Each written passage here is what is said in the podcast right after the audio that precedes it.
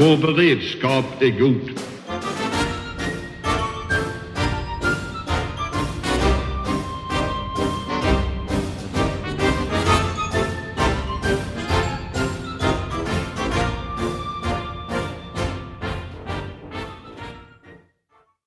Hej och välkomna till Höjd beredskap, en podd från Aftonbladet Ledare.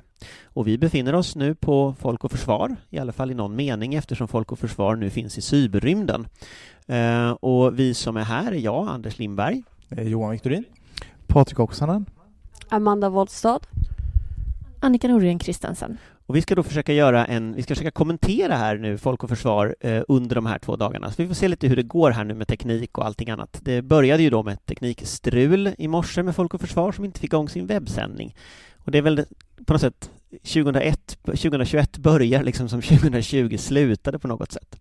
Men om vi ska titta på vad de sa, så det vi har lyssnat på hittills då, det är utrikesminister Ann Linde, det är Ulf Kristersson, och det är ett pass om, om eh, framtidens konflikter. Eh, så lite så här långt, vad är era reflektioner? Ska vi, ska vi börja med Amanda, har mikrofonen där. Ja, hittills så är det väl ingenting superkontroversiellt. Vare sig utrikesministern eller Kristersson kom ju med några sådana där riktiga Tidigare år har de ju ändå använt det här tillfället till att göra lite tydligare markeringar och utspel. Eh, och i år var det väl inte så mycket så utan man tydliggjorde kanske egna positioner eh, på ett annat sätt. Eh, så eh, ur någon slags kom alltså, kommentarsperspektiv lite tråkigt. Lite tråkigt, Patrik? Ja, men det följde väl en, en viss förutsägbarhet. Ann Linde inledde ju med att, att så att säga försvara den linje som hon har haft och uttalat tidigare och slå fast den och vad hon tycker om NATO-optionen som riksdagen har tillkännagivet, vilket hon inte tycker om.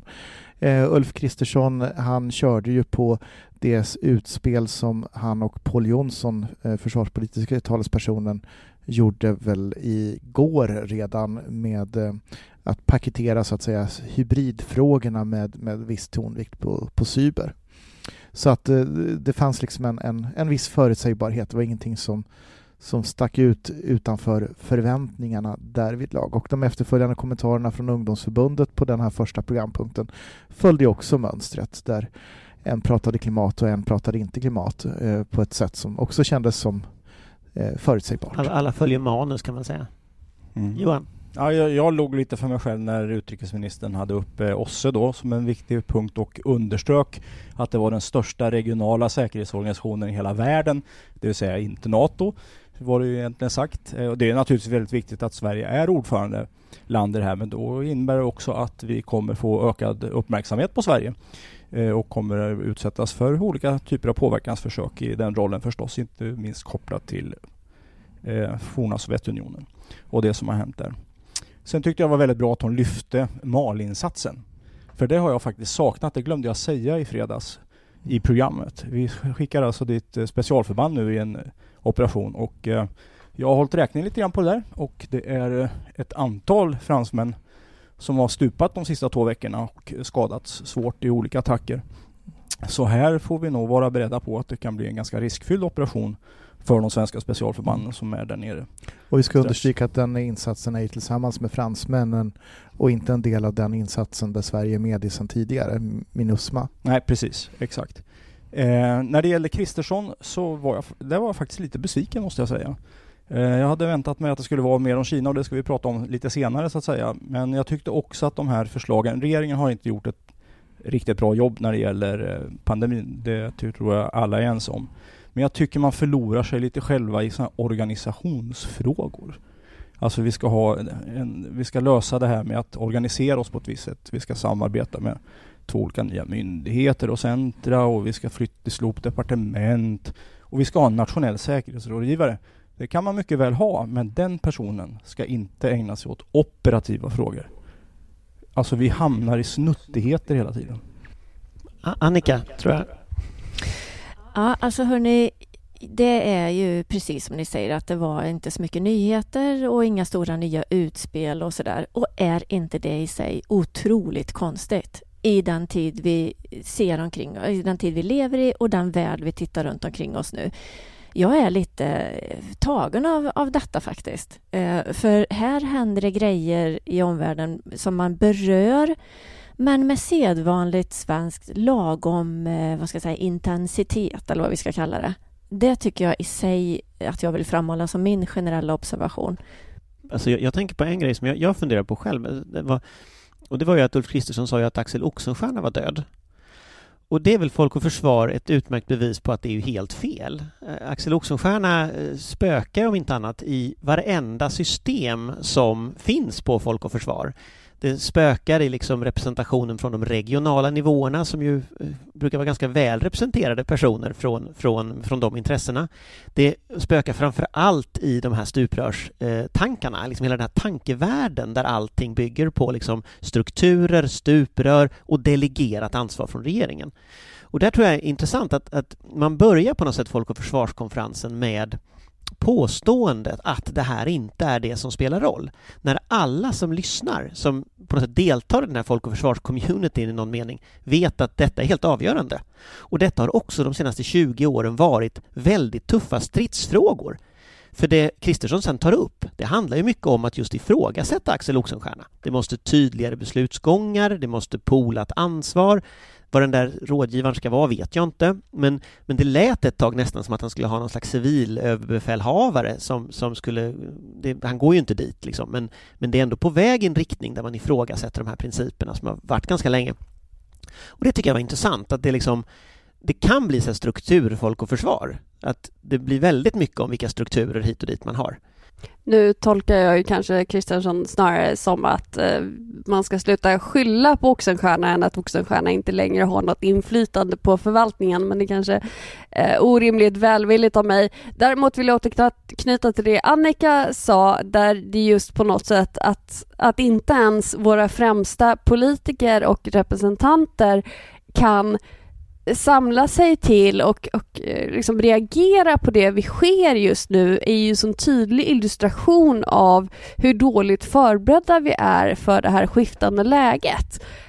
Um, att om man inte ens kan samla ett parti kring någon slags liksom, svar eller utspel, hur ska man då kunna samla ett land till en reaktion? Att vi har en väldigt dålig beredskap för det som vi inte vet ska hända. Alltså vi planerar för, för förra kriget och för ett antal väldigt specifika scenarier men när det händer någonting annat då står vi handfallna eh, på egentligen alla plan och det är väl kanske redan nu så här en av de, de största problemen som kommer behöva behandlas de här dagarna och framöver.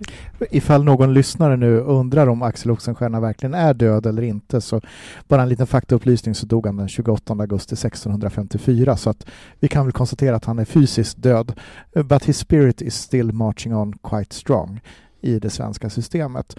Eh, men jag tror att vi här någonstans också hamnar i, i, i vår diskussion om vårt folkkynne där vi gärna sätter struktur framför handling, där vi kan bli anonyma och inte behöva ta ansvar i förhållande som individer till det som sker för att det finns ju någon större övergripande som ska ta hand om det. Problemet är att det här är övergripande och ta hand om det, då faller det ju mellan stolarna. Och eh, det här är ju hög tid att kasta den mentaliteten över ända i den tid vi står i. Vi står i en väldigt volatil tid och det tror jag att alla lyssnare på den här podden har hört oss säga minst ett par gånger i varje poddavsnitt. Och det blir inte mindre volatilt med den utveckling vi haft den senaste veckan. Jag, jag håller med om det. Och vid sidan av strukturer, det, det, behövs strukturer inte minst för att eh, då man ska kunna öva dem och kompetensförsörja dem och sådär. Eh, absolut. Men just det här med kompetensförsörjning och kynnet och inställningsfrågor och, och beredskap för att tänka om och tänka eh, nytt i några avseenden men också kanske tänka bakåt och lära sig av historien och se saker i, i det skenet. Det är inte så dumt när omvärlden ser ut som den gör. Men vi är ganska så dåliga på det Eh, och vi är väldigt upptagna av att inte göra fel mer än att göra rätt. Eh, och att eh, ta de mandat som faktiskt ofta redan finns i systemet. Och det, men, men det jag är ute efter det är liksom, återigen då, kring det här vi har sett så här långt in i, i Folk och Försvar. Det är att eh, stora tankar tänks och paketeras ganska så elegant. Men vad får det fäste det vi befinner oss i. Vad, hur, hur agerar vi som system, som land, som politiskt system, men också våra myndighetsföreträdare i sin öppenhjärtlighet mot vad de ser utifrån sina utsiktstorn? Jag är bekymrad, men vi kanske repar oss jag, under dagen. men där tror jag du pekar på någonting som är helt avgörande om man pratar om den här framtidens krigföring speciellt, alltså personalförsörjning. Alltså hur försörjer man en, en sektor, alltså inte bara liksom själva organisationen, utan hela sektorn med kompetens kring, vad var det Donald Rumsfeld kallade det, det, det okända okända. Att liksom träna för, tänka om, utbilda för, forska om liksom det som vi inte har en aning om. Och det var ju som vi sa i fredags att för ett år sedan pratade vi inte om pandemier. Hela året blev pandemier. Nu har det här året börjat med att man stormar Kapitolium liksom. Alltså, det är, tot, det är så oförutsägbart så att man blir helt matt. Och det, det, just den, att personalförsörja dem som ska tänka på det där, det undrar jag liksom var, var finns det i det här systemet? Och agera. Eh, Men- tänka och agera. Ja, det hänger Ta ihop. beslut. Det startar ju med en grundskola som fungerar som den ska. Så att säga, det är ett system. Men det är inte ett ämne för den här bloggen. Nej men alltså allvarligt talat, ska vi liksom ha den avkastningen Mm. så måste man ha hela utbildningssystemet i ordning. En jätteviktig fråga. Men jag tycker att det där är jättebra punkter. Det, jag får en flashback till 2014 när Krim var och man förlängde försvarsberedningen i tre månader och så kom man ut med en liten, liten justering. Mm. Man hänger inte med och jag vill verkligen understryka det som Amanda säger om att vi är inte förberedda och det beror på att vi har ingen nationell säkerhetsstrategi annat än på pappret. Därför att den är inte fylld med innehåll. Den talar inte om vad är det som är prioriterat.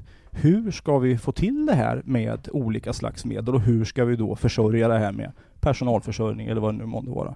Det är ett av de absolut största problemen Sverige har överhuvudtaget. Och vi har ingen besjälenhet i systemet kring vad den här idén är. Vad, vad är liksom Sverige och vad, vad ska jag som statstjänsteman, public servant, eh, göra för att upprätthålla det här i en osäker tid? Så att det där är ju någonting som liksom... Det finns många goda individer som vill väl, men vi har inte en, en, en, en genomsyrande struktur och idé kring det här och då blir det också handlingsförlamat. Ja, och då tvingas vi in i den här snuttifieringen. Vi har en regering som har dagliga pressträffar om en pandemi som rullar på med en årscykel. Och då är man återigen nere i det operativa röret. Där ska inte regeringen vara. Men det, den måste vara där därför det fanns ingen strategi. Amanda? Nej men det låter blev det väldigt eh, filosofiskt eh, här på slutet, vilket ju kan vara nog så spännande. Men, men någonstans så är det väl just det här, alltså ja det är svårt att planera för någonting man inte vet vad som ska ske, men det är väl just därför man måste sluta planera för sånt man tror man ska, ska ske och liksom börja försöka planera för kriser i största allmänhet. Hur fungerar vi om vi inte kan vara på plats, om vi inte kan kommunicera? Hur utrymmer vi? Hur liksom försörjer vi? Om vi nu pratar på en lägre, till exempel kommunal eller regional nivå. Eh, och sluta prata liksom hotbilder utan bara vilka faktiska problem uppstår, hur löser vi dem? Alltså ibland kan jag känna att vi, vi börjar i fel ände. Det är jättebra med hotbildsanalyser men de kanske ska ske på FOI och inte på kommun kontoren. Liksom. Därför att det krävs också en viss kompetens att kunna sålla i dessa och, och avgöra vilka som är realistiska och inte och just hålla öppet för att någonting helt annat kan hända. För, förutom att, att eh, de var, att Kristersson och, och eh, Ann Linde eh, lät lite olika och Kristersson var arg på, på, på pandemin, eller på pandeminhanteringen, så var de ju oense om en viktig punkt och det är ju NATO-optionen. Har ni några tankar kring det? NATO-optionen är ju den, den, så att säga, den dagspolitiskt heta frågan. Men, men eh, det jag uppfattade av Kristersson så valde han ju inte att markera det i sitt framträdande, utan det kommer ju mer i så att säga eh, reaktioner och intervjuer och kommentarer efteråt, precis som Ann Linde efteråt fick också prata om de här frågorna väldigt mycket med, med olika journalister i, i, i pressrummet på, på konferensen eh, och långa och, och ganska intensiva samtal kring detta. Så att det är ju den så att säga heta politiska frågan och det är den vi kommer att se mesta delen av rapporteringen om i nyhetsmedierna eh, under det här dygnet.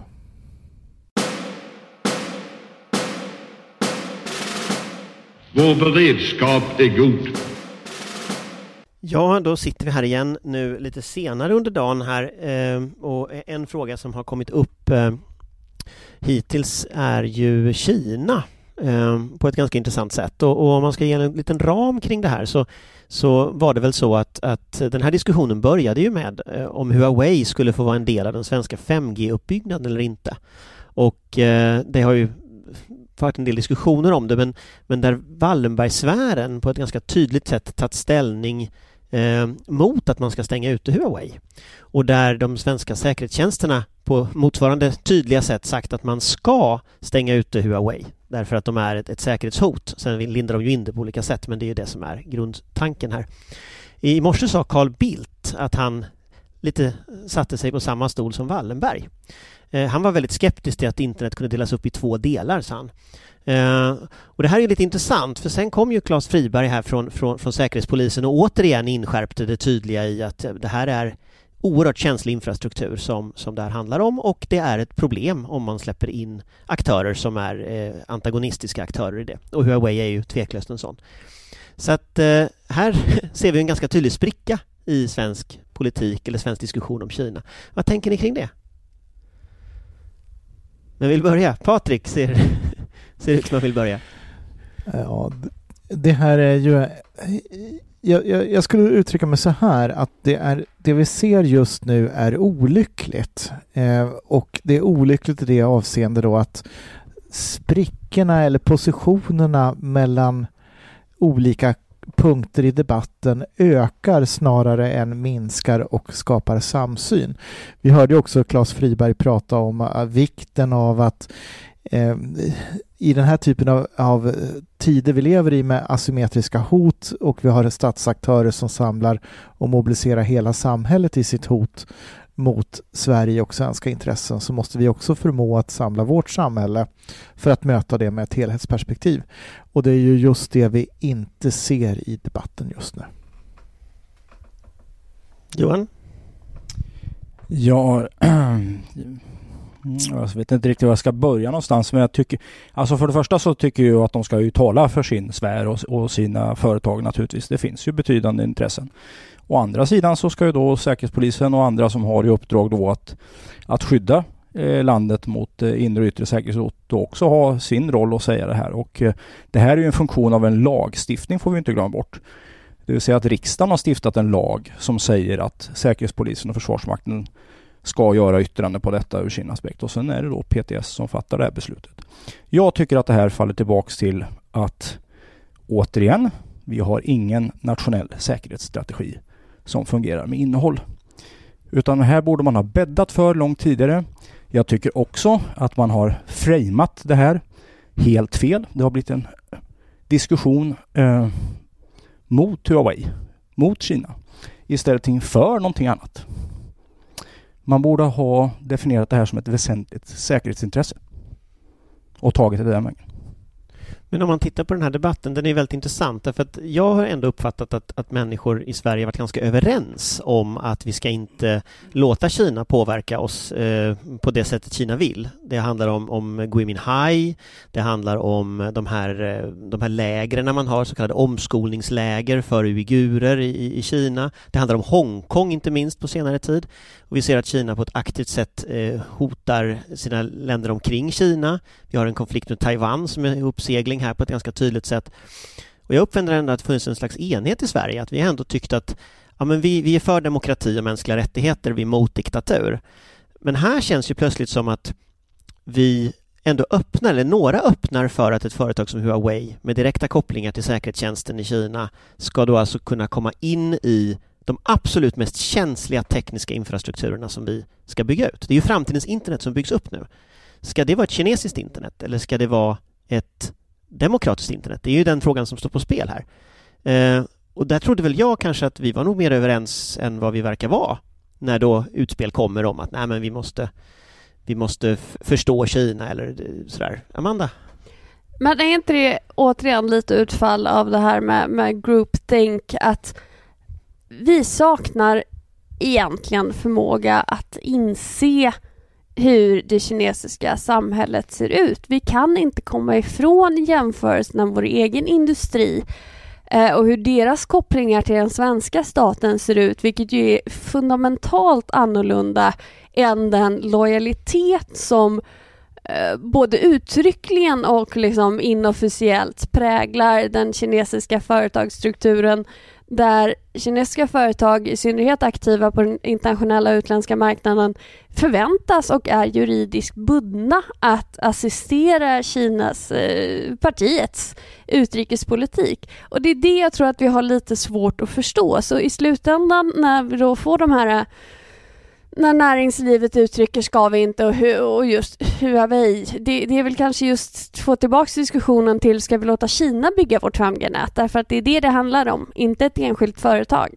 Eh, och det är också oerhört viktigt att hålla fast vid, tror jag, vi pratar ju ofta om om att eh, syften och kan ändras, politiken ändras på väldigt kort tid medan förmåga tar tid att bygga och här är det just där, vi bygger ju just nu en förmåga för flera decennium framöver, eller åtminstone grunden som kommer byggas vidare på sen. Bygger vi in den, den typen av säkerhetsbrister i systemet nu så är det en oerhörd skada när det så småningom, om det så småningom händer någonting. Så att även om man är beredd att ta chansen på Huawei och Kina idag är man beredd att göra det att situationen inte ser värre ut om 5-10 år. Annika? Ja, jag säger som Johan, var ska man börja? Det här är stort och komplext, men egentligen kanske inte så himla svårt. Um, om man tittar på um, diskussionen just nu så ser jag ju en risk att man å ena sidan, gärna för de som tycker att det här är mindre problematiskt än vad jag tycker, eh, vill få det till att det är ett litet smalt säkerhetsintresse. Ett militariserat säkerhetsintresse som då eh, tycker att det är olämpligt för den här vitala strukturen som vi pratar om. Eh, det, det, är ett perspektiv. Det tycker jag är olyckligt därför att då speglar det inte alls det här liksom bredare perspektivet och anslaget så som Johan eh, diskuterar här, behov liksom av att ha en nationell strategi. Det är mycket, mycket mer än ett litet smalt liksom, militärt specialintresse detta. Eh, välstånd pratar till exempel säkerhetspolischefen om, eh, kopplat till det ytterst i väldigt långt perspektiv. Det andra jag funderar på det är om det finns två så grupper i gruppen som ser detta som mindre problematiskt eller som vill få det till att det ska verka så i alla fall. Eh, en grupp i näringslivet eller till näringslivet kopplade intressen kanske egentligen också är oroliga faktiskt och kanske inte alls tycker att det är toppen med Huawei i eh, svenska 5G-nät. Men man vill gärna fortsätta göra affärer så mycket som möjligt och då därmed ha liksom det till att det är politiken som ställer till det här, de här konstiga eh, svenska politikerna och regeringen eh, och att man därmed distanserar sig. I alla fall liksom försöker man eh, skapa den bilden. Den andra gruppen tror jag inte är så, utan helt enkelt hoppas på det bästa och tänker att mer handel kommer leda till att eh, Kina förändras och alltihopa det här som vi genom historien har sett gång på gång eh, laddat liksom i de förhoppningarna. Hur det ska sluta den här dragkampen som nu har blivit väldigt tydlig och kanske som eh, Carl Bildt har bidragit till att belysa i och med dagens utspel, som du säger Anders, på Folk och Försvar det är väl att det är jättestora, starka eh, krafter i rörelse här som just nu har en dragkamp. Och eh, då kanske det har blivit synligare på ett nytt sätt just idag. Men för jag kan tänka, jag tycker ju det han säger är ganska naivt. Alltså jag tycker ju, och det blir liksom, i, i, i Tyskland finns det en tradition av, av så kallade eh, Russlands förster, alltså folk som förstår Ryssland på olika sätt. Ofta socialdemokrater som själva sen är engagerade i Rysslands gasprojekt. Men, men, men det är ju Börjar vi få liksom svenska så här Kina-förster, alltså folk som ska försöka förklara och förstå och, och sådär Kina? Eh, i den svenska debatten? Kommer vi, att hamna samma, kommer vi ha samma utveckling så att säga som man har haft när det gäller Ryssland i, i Tyskland? Om vi kommer att få det, det låter jag vara osagt, men jag tror att vi här också ser en, en, en förhoppning som lever kvar från en tid före Xi Jinpings makttillträde och, och så att säga utveckling av, av Kina där, där det fanns en ljusare tid, där det fanns en förhoppning och att många eh, som, som då uttrycker en förhoppning om att handel ska ge de här resultaten lever kvar i den världen och missar att under Xi Jinping så har faktiskt Kina blivit mycket, mycket tydligare i vad man är. Det vill säga det är en marxist-leninistisk enpartistat i praktiken eh, med, med väldigt nationalistiska förtecken. eh, som använder sig av, av vad man kan kalla det för statskapitalism eller vad man vill kalla det för, eh, för att främja kommunistpartiets intressen. Eh, och här blir det någon slags tilt i, i, i, den svenska debatten där, där, där höger blir vänster och vänster blir höger eh, om vi jämför med hur situationen såg ut eh, en gång i tiden när Carl Bildt blev politiker på riksscenen. Ja, hur gick det här till? Alltså, det är ju ganska konstigt. Jag menar, kinesiska kommunistpartiet kan ju inte rimligen vara liksom, de är inte jättehöger om man säger så, men, men det är också liksom, det är ju helt absurd diskussion att man pratar om, när vi pratar om Huawei specifikt så pratar vi om, om, att man släpper in en organisation som det kinesiska kommunistpartiet i de tekniska de centrala tekniska infrastrukturerna som sen ska liksom allt annat ska gå igenom. Det är där all vår kommunikation ska gå, vår demokrati ska fungera genom det, eh, företagens kommunikation ska gå igenom det här. Eh, vad, vad, tror man, liksom, hur naiv kan man vara när man tänker att en, en diktatur ska bygga upp detta? Jag är helt så här bara paff över den diskussionen. Jag vet inte ens om VPK på 80-talet hade den uppfattningen när det gällde sovjetisk teknologi. Ja, men tänk om de skulle kommit med idén så här på, på 80-talet. Ja, men nu ska vi låta Sovjetunionen bygga upp våran, våra, våran tekniska infrastruktur när det gäller utbyggnad av, av telefonnät eller datanät. Alltså, ingen hade kommit på den idén. Eller DDR eller någon liknande stat som påminner ganska mycket om, om, om Kina idag. Liksom. Nej, och det menar jag då att vi dels det och dels att vi ligger då i efterhand. För att vi borde deklarera att uppbyggnad av 5G är ett väsentligt säkerhetsintresse och därmed undantas det från upphandlingar. Eh, och sen så skulle vi kunna helt bara frankt ge en sån order till Ericsson. Så skulle alla vara jättenöjda och glada och ingen skulle tycka att det var konstigt att vi främjade en sån sak därför att vi vill ha kontroll på det själva. Amanda? Nej, det är väl bara att hålla med Johan. Å andra sidan så landar vi ju ganska ofta i det här eh, och det gör jag mig ju minst lika skyldig till vad vi, vad vi önskade hade gjorts för länge sedan och nu är vi ju där vi är. Och visst har vi ett återkommande problem med eh, eh, att vi har svårt att ta beslut och, och som andra länder faktiskt gör och, och, ska vara bäst i klassen när det gäller implementering av EU-direktiv och, och hej kom och hjälp mig eh, på alla möjliga plan. Och även detta så blir det ju någon slags konkurrensfråga istället för en grundläggande liksom, säkerhetsfråga. Det faktiskt gäller eh, på ett sätt som man kanske inte riktigt har lika mycket problem med diskussionen i andra europeiska länder. Eh, men, men det är väl det. Vi, får, vi måste se till att förflytta diskussionen. Man får ju också lätt känslan att Kina ses som ett mindre hot än vad till exempel Ryssland eh, gör och Sovjet gjorde därför att Kina är så pass långt bort och vi har väldigt lite förstående för hur staten fungerar. Eh, även om vi egentligen vet vad som händer med koncentrationsläger, omskolning, tvångssterilisering och så vidare så är det på något sätt så långt bort Ehm, det är ju till och med långt bort i Kina på något sätt så att vi, vi behöver inte riktigt ta med det i vår analys eh, av landet och vad de är kapabla att göra. Och det är ju en gigantisk risk naturligtvis. Och nu nyligen så twittrade också den kinesiska ambassaden i USA om sitt RIACGen-projekt i Xinjiang-provinsen och vilka positiva effekter det har haft. På kvinnans frigörelse som man kallar det för. Men eh, vi har ju också en annan sak på tal om att höja blicken lite grann. Det finns ju alternativ till det här också i form av eh, kvadraten som är på väg att bildas borta i Indo-Pacific-arenan eh, så att säga. Där då USA, Japan, Australien och Indien. Så letar vi marknader och ska titta lite längre bort så får man ju då tänka både en och två gånger med vem man så att säga lerar sig med. Men, men nog, nog, finns det något intressant ändå i det här liksom att vi vänder oss så mycket mot Kina som ju är världens största diktatur. Men vi vänder oss inte mot Indien som med, med, med de fel och brister Indien har ändå är världens största demokrati. Eh, trots att det sker ju en, ganska mycket utveckling där också. Så det är ju ändå någonting här med liksom, att här har man ju investerat under väldigt lång tid i Kina och jag, jag tror det ligger väldigt mycket i det som du sa förut att, att det finns en slags klockartro på att vi skulle så att säga, med demokrati och mänskliga rättigheter och tala dem till rätta så att säga. Kommer Sverige med 10 miljoner invånare ska vi tala då Kina till rätta. Så kommer de liksom att bli som vi. Det blev inte så. Nej, och, liksom, och nu, där, nu blir jag precis upplagd precis som Patrik här.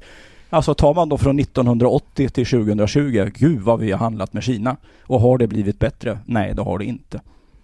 Eh, och där går ju den svenska relationen till Kina går ju tillbaka till, jag tror att Sverige var väl det första västlandet som erkände eh, kommunistpartiets eh, överhöghet över Kina och, och den, den då, staten då efter inbördeskriget. Folkrepubliken erkände. Folkrepubliken erkände vi först. Eh, och sen så har vi liksom en, en, en Kina-relation. Eh, Torbjörn Fälldin besökte ju Kina och då spelade ju de kinesiska världarna månsken över, över Ångermanälven och han besökte jordbruk och annat och sådär. Så att vi har ju liksom en lång, lång liten, liten kärlek till Kina som nu har liksom kvaddat rätt häftigt de senaste två åren. Nej, bara inställning till det här apropå diskussionen vi har hört om att man inte vill att det ska byggas två liksom separata internet. Då kan man ju också, det är ju lätt att säga naturligtvis, men vad är det för jäkla appeasementpolitik att vi då ska böja oss och Kina ska komma in och bygga vår infrastruktur för att de inte vill vara med och leka och vi vill öppna liksom när vi då pratar som Johan tog upp, eh, vi har ju Indien och, och liksom Australien och enorma folkrika grupperingar där som inte heller är så imponerade av Kina. Eh, så varför, är det, varför ska vi här böja oss för en totalitär diktatur för att de hotar med att de inte vill vara med och leka annars? Eh, det, det finns ju en intressant detalj i detta som man kan ta en parallell till den här, till det här stora projektet Den nya Sidenvägen, The Belt and Road Initiative. Och då tänker man att de bygger ut infrastruktur i hela världen och, och det, det är så oerhört imponerande och avancerat. Men vad man missar då, det är var slutar denna infrastruktur? Jo, den slutar här i Europa. Det är oss de vill handla med. Det vill säga, vi kan ställa ganska mycket krav mot Kina. Eh, det är vår marknad de måste in på. Det är inte bara så att vi måste in på deras marknad. Och, och där kan jag personligen känna att det finns en liksom ett, ett taskigt självförtroende i väst som, som inte alltid motiveras av verkliga liksom, geostrategiska eller ekonomiska liksom, realiteter utan någon slags taskigt självförtroende för vår liksom, samhällsmodell som förvånar mig lite faktiskt. Precis, eh, så är det. Och jag tänker att det finns ju också lärdomar att dra från Australien i hur man har hanterat och hanterats av Kina i relationerna eh, som är viktiga att hämta hem. Nej, vi behöver verkligen inte ödesbestämt vara med på den kinesiska vagnen och jag tycker en sak som Klas Friberg sa, inte direkt kopplat till frågan om Huawei och Kina, men eh, som ändå kan illustrera det också. Det finns ju en känsla av brådska här. Man vill eh, påskina att om vi inte gör detta nu, säger ja istället för nej, så är vi körda. Eh, men han säger, och det är ju helt sant, att eh, när bromsen uppfanns eh, till bilen så var det inte för att bilen skulle kunna stanna utan för att man skulle kunna köra fortare. Och det är väl också det liksom, perspektivet man ska ha med i att man kan, det förtjänar eftertanke ibland för att man dessutom kan gå snabbare fram i den riktning man vill och med det skydd för demokratin och friheter och annat som vi värnar eh, liksom intakt. Eh, och det ska man nog ha med sig i den här diskussionen. Jag tycker det vore mycket mer befriande än att konstruera eh, kopplingar till att eh, EU gör på ett helt annat sätt, vilket eh, Claes Friberg också tillbakavisa eh, med EUs toolbox eh, jämfört med den svenska linjen. Eller att man eh, påskiner att det finns liksom någon slags vägval, annars det blir kinesiskt nät alldeles oavsett. Och sådär. Säg som det är istället. Eh, det är viktiga affärsintressen som man vill värna och vara rädd om, så får vi hantera den frågan. Men jag tycker man ska vara liksom tydlig i sin argumentation, vad det är som ligger bakom. Då kan vi ha en mycket mer frisk diskussion om, om de överväganden som vi måste göra. Och det där var ju Friberg väldigt tydlig med när det gällde EUs toolbox, någonting som då Carl Bildt sa motsatsen i, i tidigare på dagen. Eh, och det där har också förts fram från, från annat håll i debatten också att, att Sverige då inte skulle följa EUs toolbox. Men det tycker jag det är ganska fascinerande egentligen att, att det där verkar vara ett sakfel som Carl Bildt har och som också andra debattörer har haft. Men det är intressant att man skulle tänka att, att Sverige inte följer regler. Alltså, det, det, så funkar det ju faktiskt inte.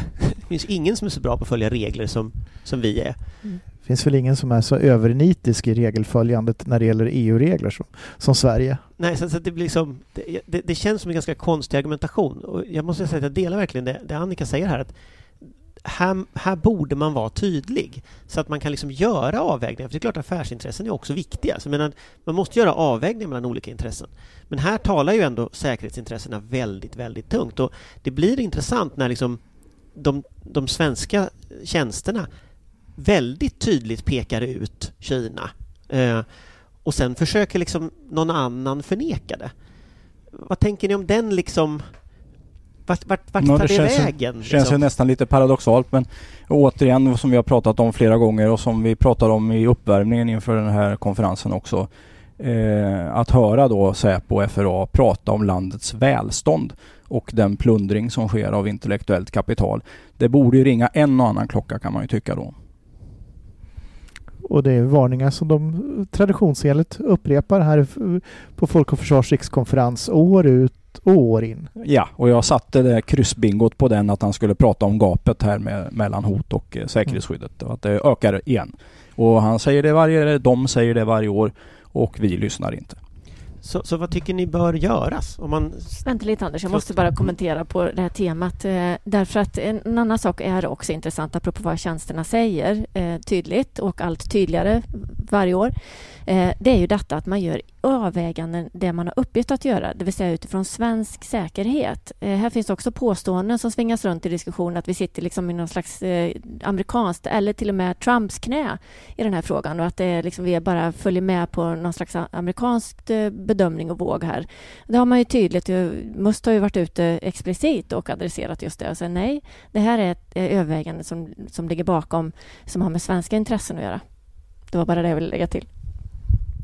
Och det är ju väldigt tydligt så i de svenska tjänsterna att man jobbar för Sverige och ingen annan. Jag brukar också bli anklagad för CIA-agent ganska ofta, men det var ju lite roligt att de blir det. Men okej. Okay. men om man tänker på eh, frågan vad bör göras? För att den här, det här kommer ju inte ta slut nu. Det här är ju, det här är ju liksom de närmsta månaderna, åren som vi ser framför oss här. Vad tror ni? Vad, vad bör göras? Ja, jag säger igen då, deklarera det här som ett väsentligt säkerhetsintresse och uh, gör en upphandling på detta. Stäng ut Huawei alltså? Stäng ut alla andra också för den delen. Alltså det här är... Vad vi, nej men allvarligt talat, vi pratar ju för tusan om rikets säkerhet.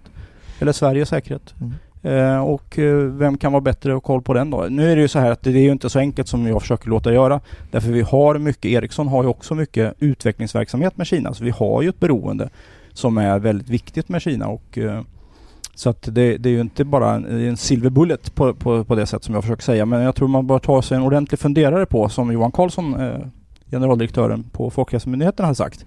Om vi inte skulle ta och överväga att vi skulle kanske fundera lite grann på om vi inte skulle ha ett väsentligt säkerhetsintresse.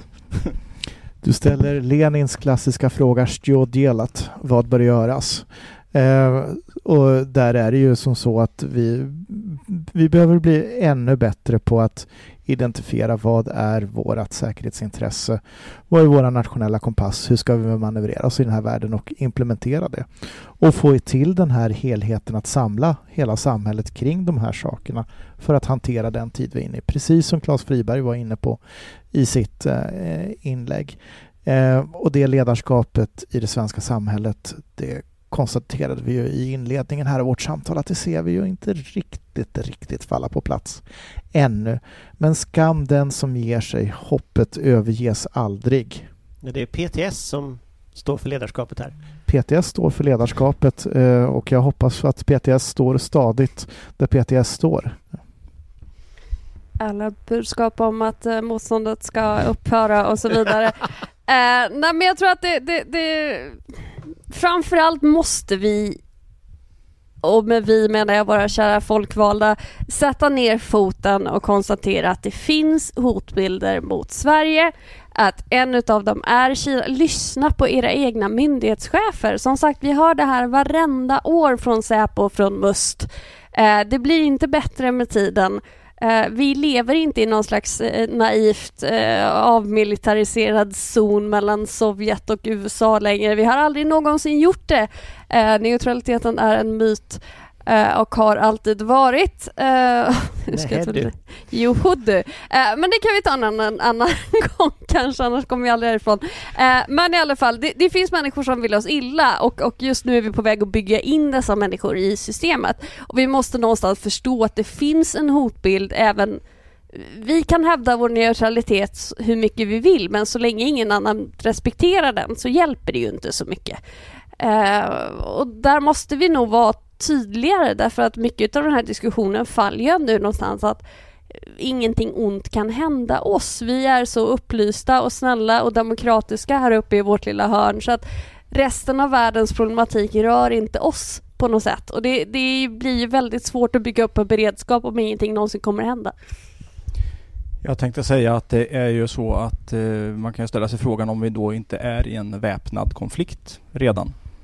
Eftersom stormakterna då, eh, både USA, Kina och Ryssland använder information som vapen. Alltså man pratar om the weaponization of information.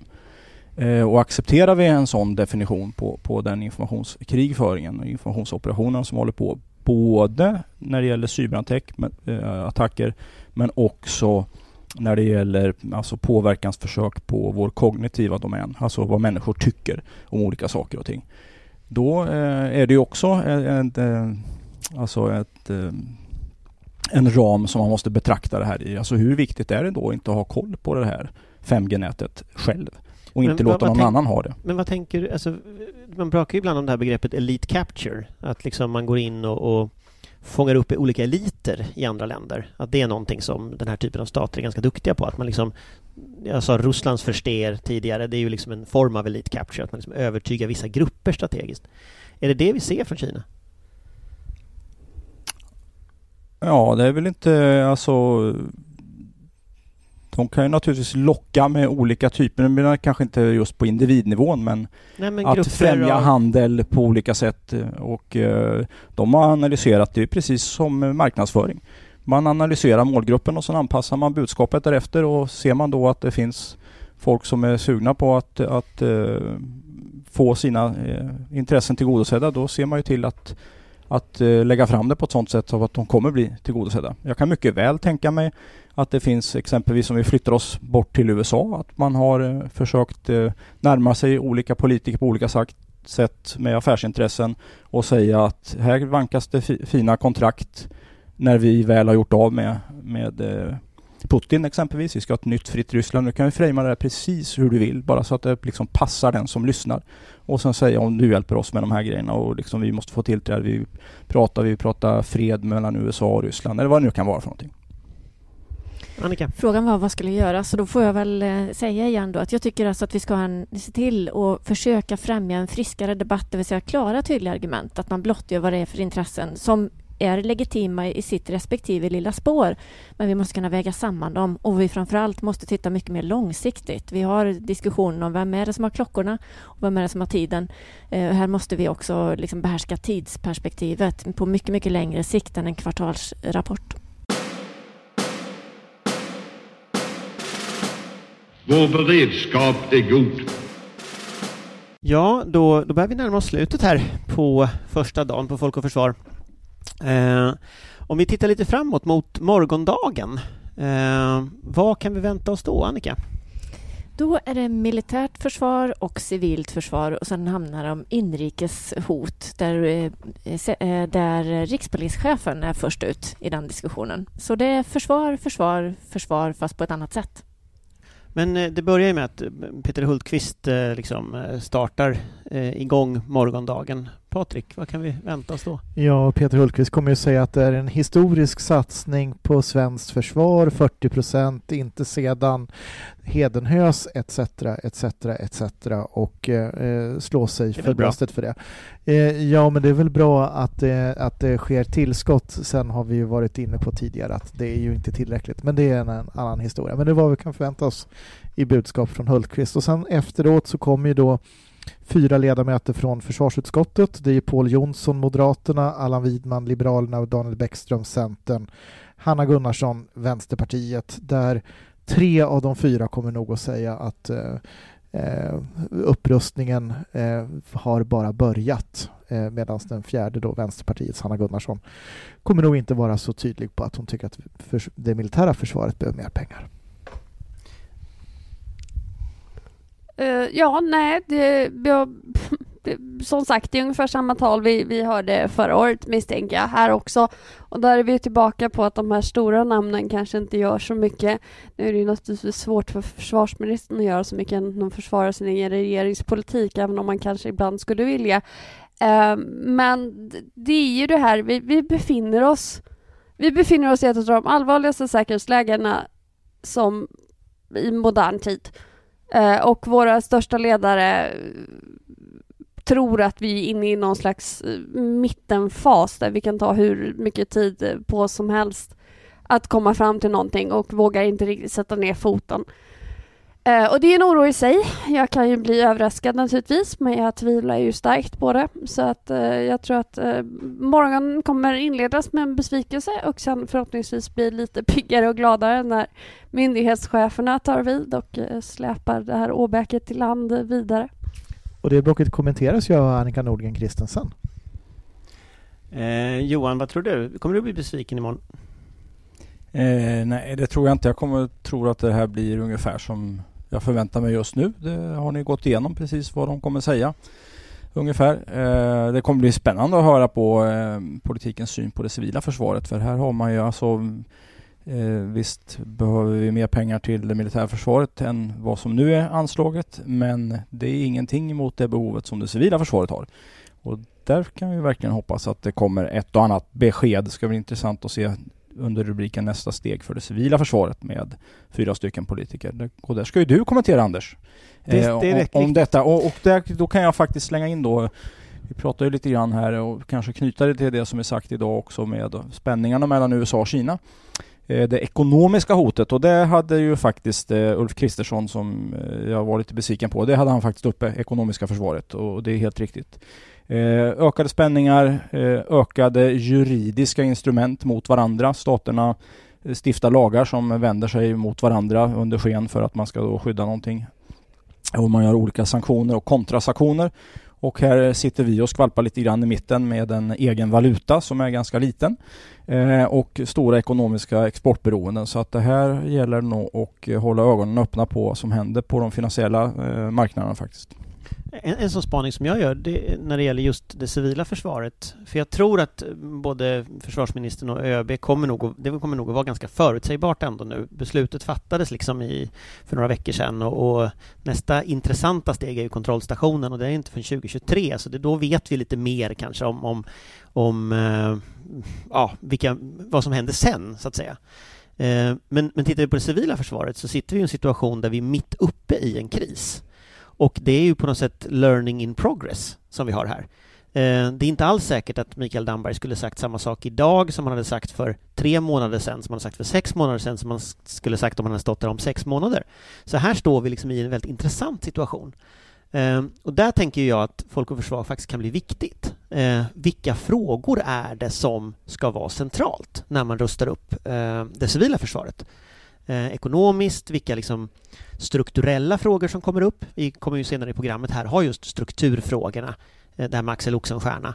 Eh, här kanske man faktiskt ska dödförklara honom på riktigt. Eh, och det vore ju lite intressant. Eh, det beror ju på hur långtgående, det är Barbro Holmberg som har utrett de här frågorna, hur långtgående hon egentligen vågar vara när det gäller att ta livet av, av Oxenstierna. Eh, ska man ha en myndighet som styr svensk krishantering till exempel? Eller ska vi ha 21 småpåvar som vi hade den här gången? Så det är klart att det, här finns det ju riktigt intressanta frågor som svensk politik har bråkat om i rätt många år. Eh, och de kommer imorgon. Det ser jag fram emot. Sen tror jag många kommer hålla särskilt ögonen på Camilla Asp också som nu är då nyutnämnd tillförordnad generaldirektör för MSB. För det är hennes första framträdande i den rollen i offentligheten. Ehm, ja, jag håller helt med om vad du säger Anders om det civila försvaret och att det är en, en eh, pågående process. Eh, när det gäller de militära delarna så ska man ju ha ett långt perspektiv är tanken imorgon. Man ska diskutera fram 2025 och ytterligare framåt 2045 har chefen för ledningsstaben fått i uppgift att göra. Så det är ett långt tidsperspektiv framåt som är väl så viktigt. Men det gäller det nog också att inte förlora sig i drömmar om framtiden utan ut, att, att inte tappa fokus på att genomföra det här som vi nu har fattat beslut om och omsätta de pengarna i reell försvarseffekt, i operativ effekt. Eh, så att här gäller det att hålla liksom båda de, hoppas jag, delarna i rörelse vi tog ju inte programmet imorgon i kronologisk ordning så att det var ju den där biten som, som hoppades över innan ni gick snabbt vidare på den civila delen. Och det, den delen med Försvarsmakten 2045 kommenteras ju av Annika så att jag är lite nyfiken på, kan du avslöja någonting om vad du kommer att säga imorgon? Absolut inte. Kom igen nu. Men om vi går vidare sen så kan vi nästan... Det som är liksom det tredje blocket imorgon, det är ju hot mot Sverige som är mera civila. Och då har vi ju liksom, jag vet civila är väl fel uttryck, men då har vi liksom i veckan som var stormningen av Kapitolium. Eh, Amanda, vad tror du liksom när vi pratar om hot och risker? Är det något som kan hända, liksom, skulle kunna hända här? Man- Inte just sto- stormningen, men liksom den här typen av extremistisk mobilisering som vi har sett. Alltså det jag är mest oroad för i en svensk eh, sammanhang och, och det gör ju också att jag är väldigt intresserad av det här passet imorgon. Det är ju snarare samverkan mellan extremistiska grupperingar och organiserad brottslighet. Det jag tror det kanske är ett mindre problem med rena politiska extremiströrelser, även om de också utgör ett hot både på höger och vänsterkanten. Eh, men just det här eh, Eh, den här gäng, de här gänggrupperingarna med ett oerhört våldskapital och framförallt en oerhörd vilja att ta till det våldskapitalet som vi har i många av våra förorter just nu.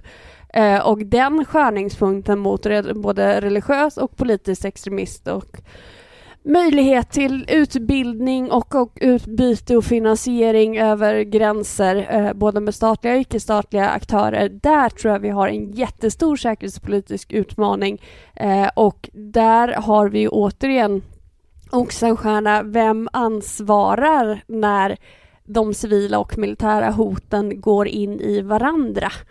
Eh, det är ju inte självklart och eh, där har vi ju redan eh, en struktur på plats i våra storstäder med tillgång till vapen, med tillgång till nätverk, med lokalkännedom som eh, skulle kunna utnyttjas för eh, andra syften. Jag tänkte flika in på den frågan för att det har faktiskt varit en partiledardebatt i Finland precis eh, där de fick frågan om Kapitolium och, och eh, har det där någon relevans för, för Finland och eh, då hade de handuppräckning och det var en partiledardebatt med fyra partier i, i den här gången då. Och det var Sannfinländarna, det var eh, Samlingspartiet, det vill säga deras moderater eh, och eh, Centerpartiet och de gröna och samtliga närvarande partiledare var överens om att händelserna i Kapitolien öppnar dörren för motsvarande problem också i Finland. Och eh, där konstaterade också i debatten då den finländska centerpartiledaren Annika Saarikko att händelserna i Kapitolium är bara toppen på isberget. Det är ett kort avstånd mellan ord och handling. Om vi inte nu tar i problemen ordentligt så kan allt eskalera. Målen kan aldrig rättfärdiga medlen. Och det är väl en signal om att om man i kanske Eh, det som har beskrivits som världens lyckligaste land och en av de mest absolut stabilaste demokratierna i världen eh, ser det på det sättet att det har betydelse det som hände i USA. Ja, och det är också intressant givet hur, hur Finland historiskt har hanterat extremism. Man har ju till exempel förbjudit Nordiska motståndsrörelsen eh, och sådär, så att man har ju haft en, liksom en högre profil också än vad, vad Sverige har. Här lät man ju Nordiska motståndsrörelsen till exempel vara i Almedalen och springa runt bland folk ganska hejvilt. Det gick inte särskilt bra. I, I Finland har man ju levt länge med erfarenheten av inbördeskrig 1918 där, där så att säga, polariseringen manifesterades i ett blodigt inbördeskrig som naturligtvis också till sin del var en del av, av första världskrigets förlängda konflikter. Men det är som du brukar heta en, en annan historia. Men om vi tittar på, på eh, om vi ska, vad vi kan förvänta oss av imorgon, om man ska knyta ihop den där säcken.